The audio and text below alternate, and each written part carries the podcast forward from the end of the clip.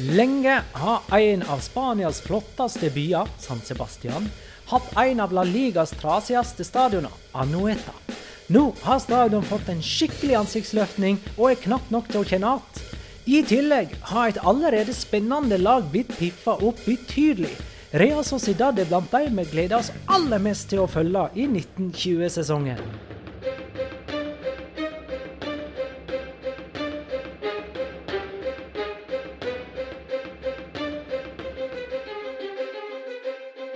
Ja, da er vi inne i vår 16. spesial av 20 spesialer, der den kommende La Liga-sesongens lag blir gjennomgått episo episode for episode.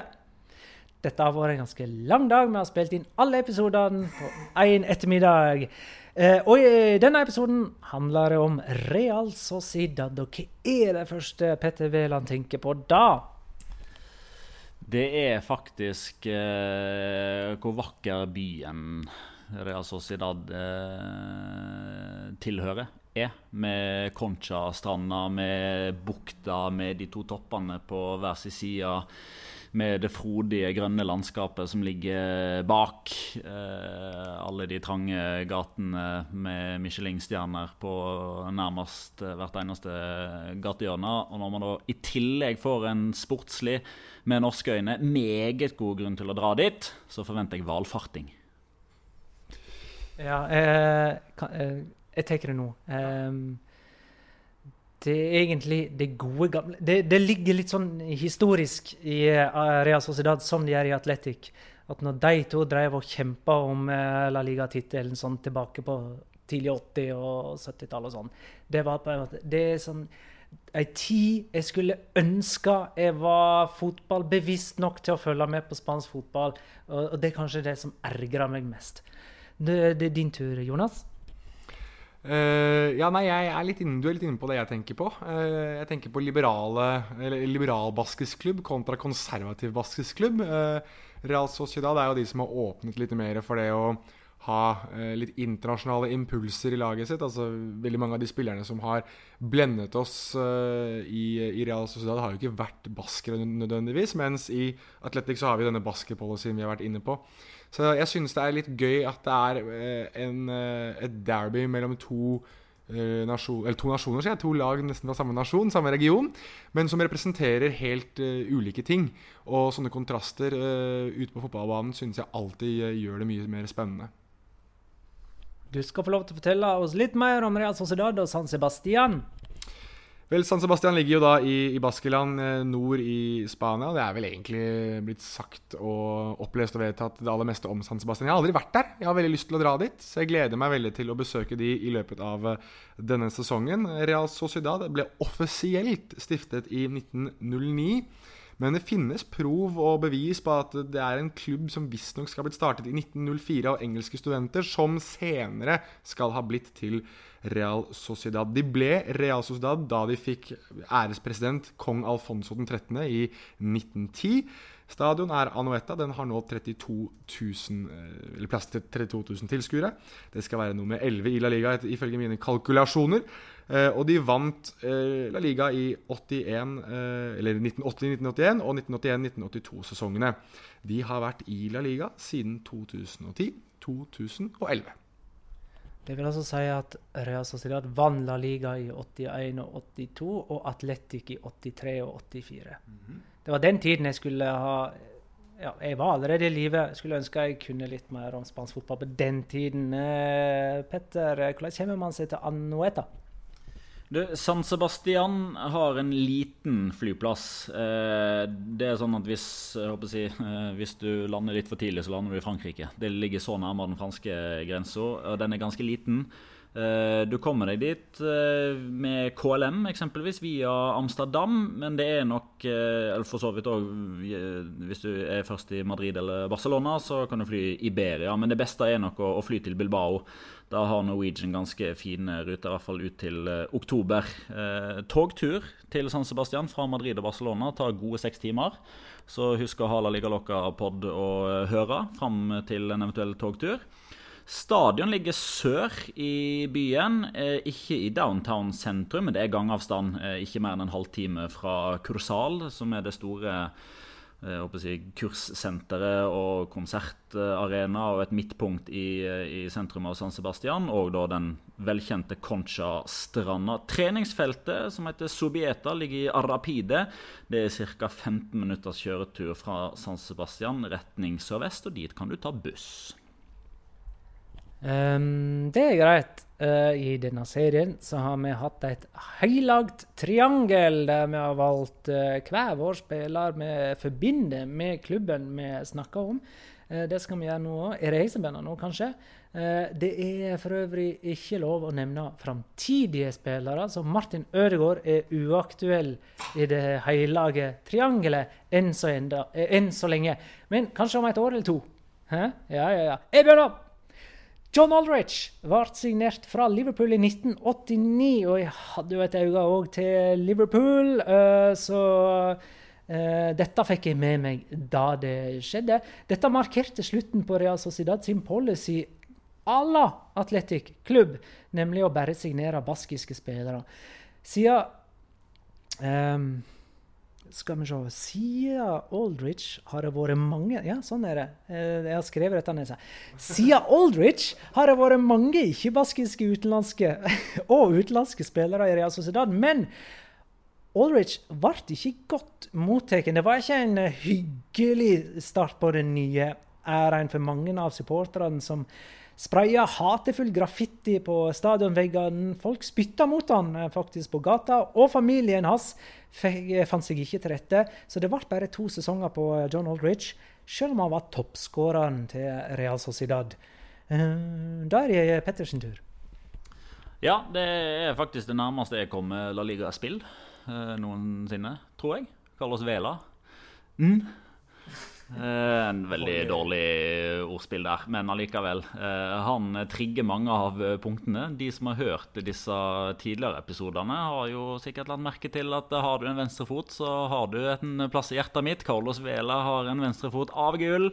Han er slepen, han var frekk. Eh, han skåra tosifra antall mål i fem av de seks fulle sesongene han var der.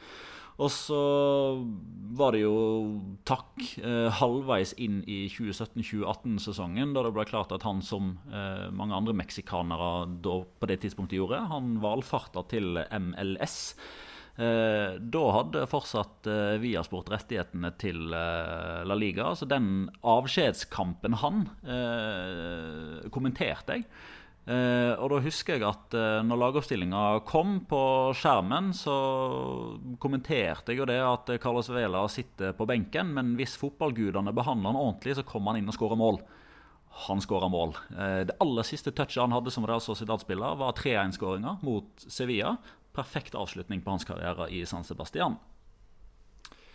Ja, jeg har eh, kanskje et litt teit valg i manges øyne, men, men jeg syns fortsatt at det her eh, trengs å nevnes. Og det er Mikkel Oyarzabal.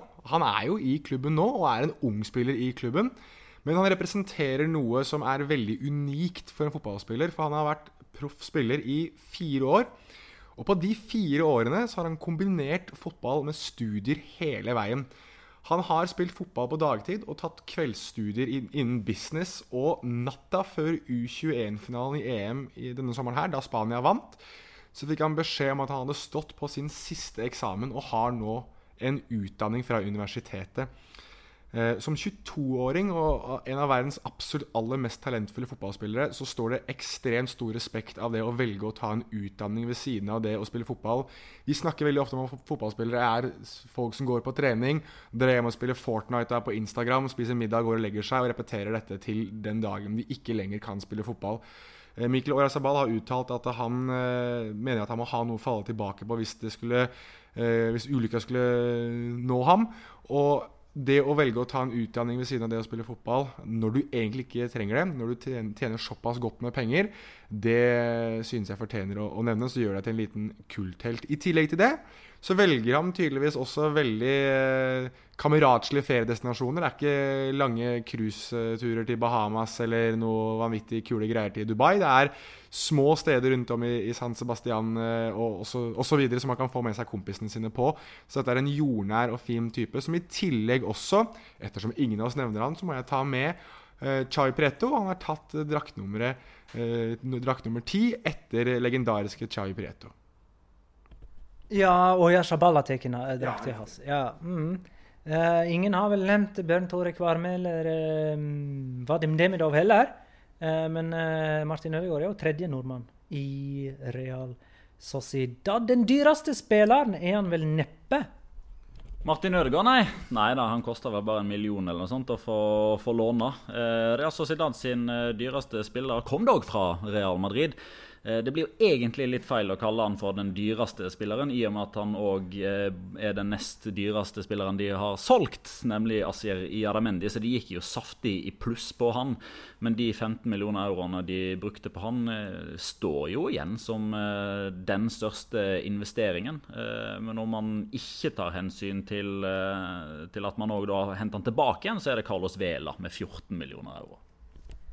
Da kan vi gå i gang med det vi ser for oss eh, framover. Vi har jo hatt en uh, spesialepisode allerede, som er vesentlig lenger enn dette kvarteret drøyte denne episoden for, om uh, Martin Ødegaards nye klubb. Men uh, nå har vi nå fått sett litt på treningskamper og ja, Alguacil og hvordan han vil forme dette laget med både svensk og norsk i stallen. Isak og Ødegaard. Hva tror vi?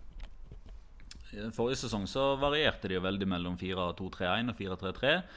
Nå er dette veldig tidlig, da, men basert på de første treningskampene så virker det som at 4-2-3-1 er det man velger å spisse. At man ønsker å ha en klar definert spillestil. Og Ødegaard har starta en fremskutt midtbanerolle, eh, en sånn halvveis tier begge gangene. Eh, nå skal det jo sies at i, i, den, i, de to kampene så var jo eksempelvis ikke Miquel Oyarzabal med, fordi han hadde forlenga ferie etter å ha vunnet U21-EM med Spania. Så det vil jo tida vise, men det er jo uansett en, en, en, klubb som ønsker å spille det man i hermetegn da ser på som attraktiv offensiv fotball. Ballen skal gå langs gresset, de skal søke gjennombrudd, de skal være varierte i spillestilen, de skal få lov til å utfolde seg både teknisk og få lov å ta litt risiko i pasningsspill spillet.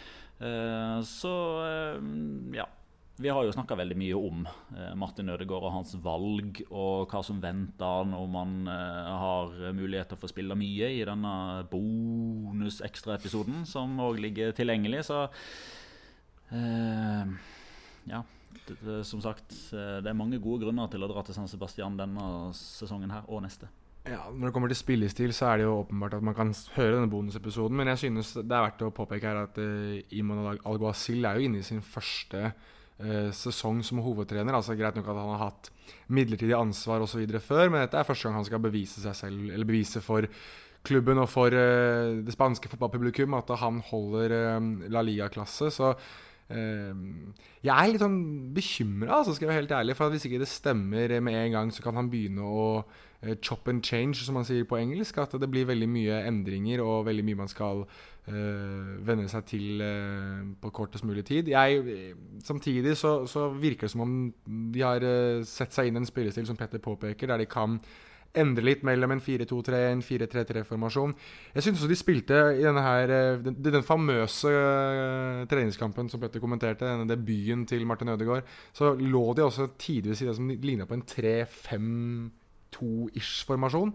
Uh, som jeg syns kanskje var kameravinkelen, men det så veldig sånn ut i hvert fall. Uh, så det, er, det har vært, vært, mye endringer, uh, og de har prøvd seg på mye forskjellig, men de kommer nok til å lande på en 4-2-3-1 der Martin Ødegaard skal få spille en uh, herlig rolle bak spissen, får vi håpe. Um, vi kan ta magefølelsen vår og si opp eller ned fra forrige sesongs niendeplass. Da skal vi ha i mente at de lå langt nede etter halvspilt sesong og uh, løfta seg voldsomt da Alguacil uh, kom inn. Så hva sier vi?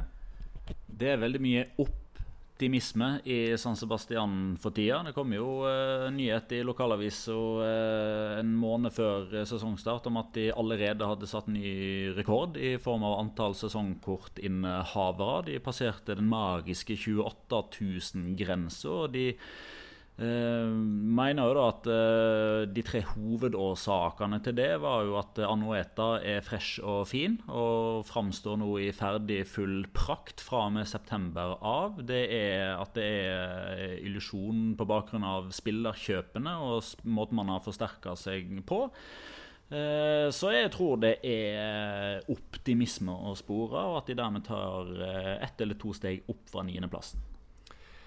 Ja, nei, det kan bare gå én vei, og det er up. Akkurat. Og hvis du vil ha mer fra oss om Ødegård og hans nye klubb, så heter altså den episoden Bonus Ødegård eh, Ødegård, Real Sociedad og andre overganger. Eh, så der har du det. Um, å, jeg hadde egentlig én ting til jeg skulle si. Jo, apropos det nye stadion. De spiller sin første hjemmekamp først i fjerde serierunde. ikke det sånn? Spilles første tre bortekamper. Nei, men hei, da tror jeg vi runder av uh, vår prat om Real uh, Sociedad. Da er vi vel faktisk ferdige med alle klubber som eh, har veldig sterkt forhold til Real, på en måte. Og så, Ikke for å være that guy, men det, det, er faktisk ikke lov å si bare Sociedad. Det er heller ikke lov til å skrive. Dette er et vennlig tips til de i media som skulle høre på det. Det er Real Sociedad eller bare La Real. Ja, og da kan jeg vel slenge på i samme slengen at det er ikke lov å kalle Real Madrid Real. Uh, da kan du heller kalle dem Madrid. Ok, da, men Takk for at du lytta, kjære lytter. Og bli med inn i neste episode. Da er det snakk om Sevilla. Hei da.